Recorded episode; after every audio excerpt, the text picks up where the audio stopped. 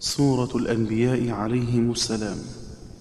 وقل قال عن شهد وآخرها على وقل أولم لوى ودريه والصلاة وتسمع فتح الضم والكسر غيبة سوى اليحصب والصم بالرفع وكلا وقال به في النمل والروم دارم ومثقال مع لقمان بالرفع أكملا جذاذا بكسر الضم راو ونونه ليحصنكم صفا وأنث عن كلا وسكن بين الكسر والقصر صحبة وحرم وننجح ذف وثقل كذي صلا وللكتب اجمع عن شذا ومضافها. مع السن إني عبادي مجتلا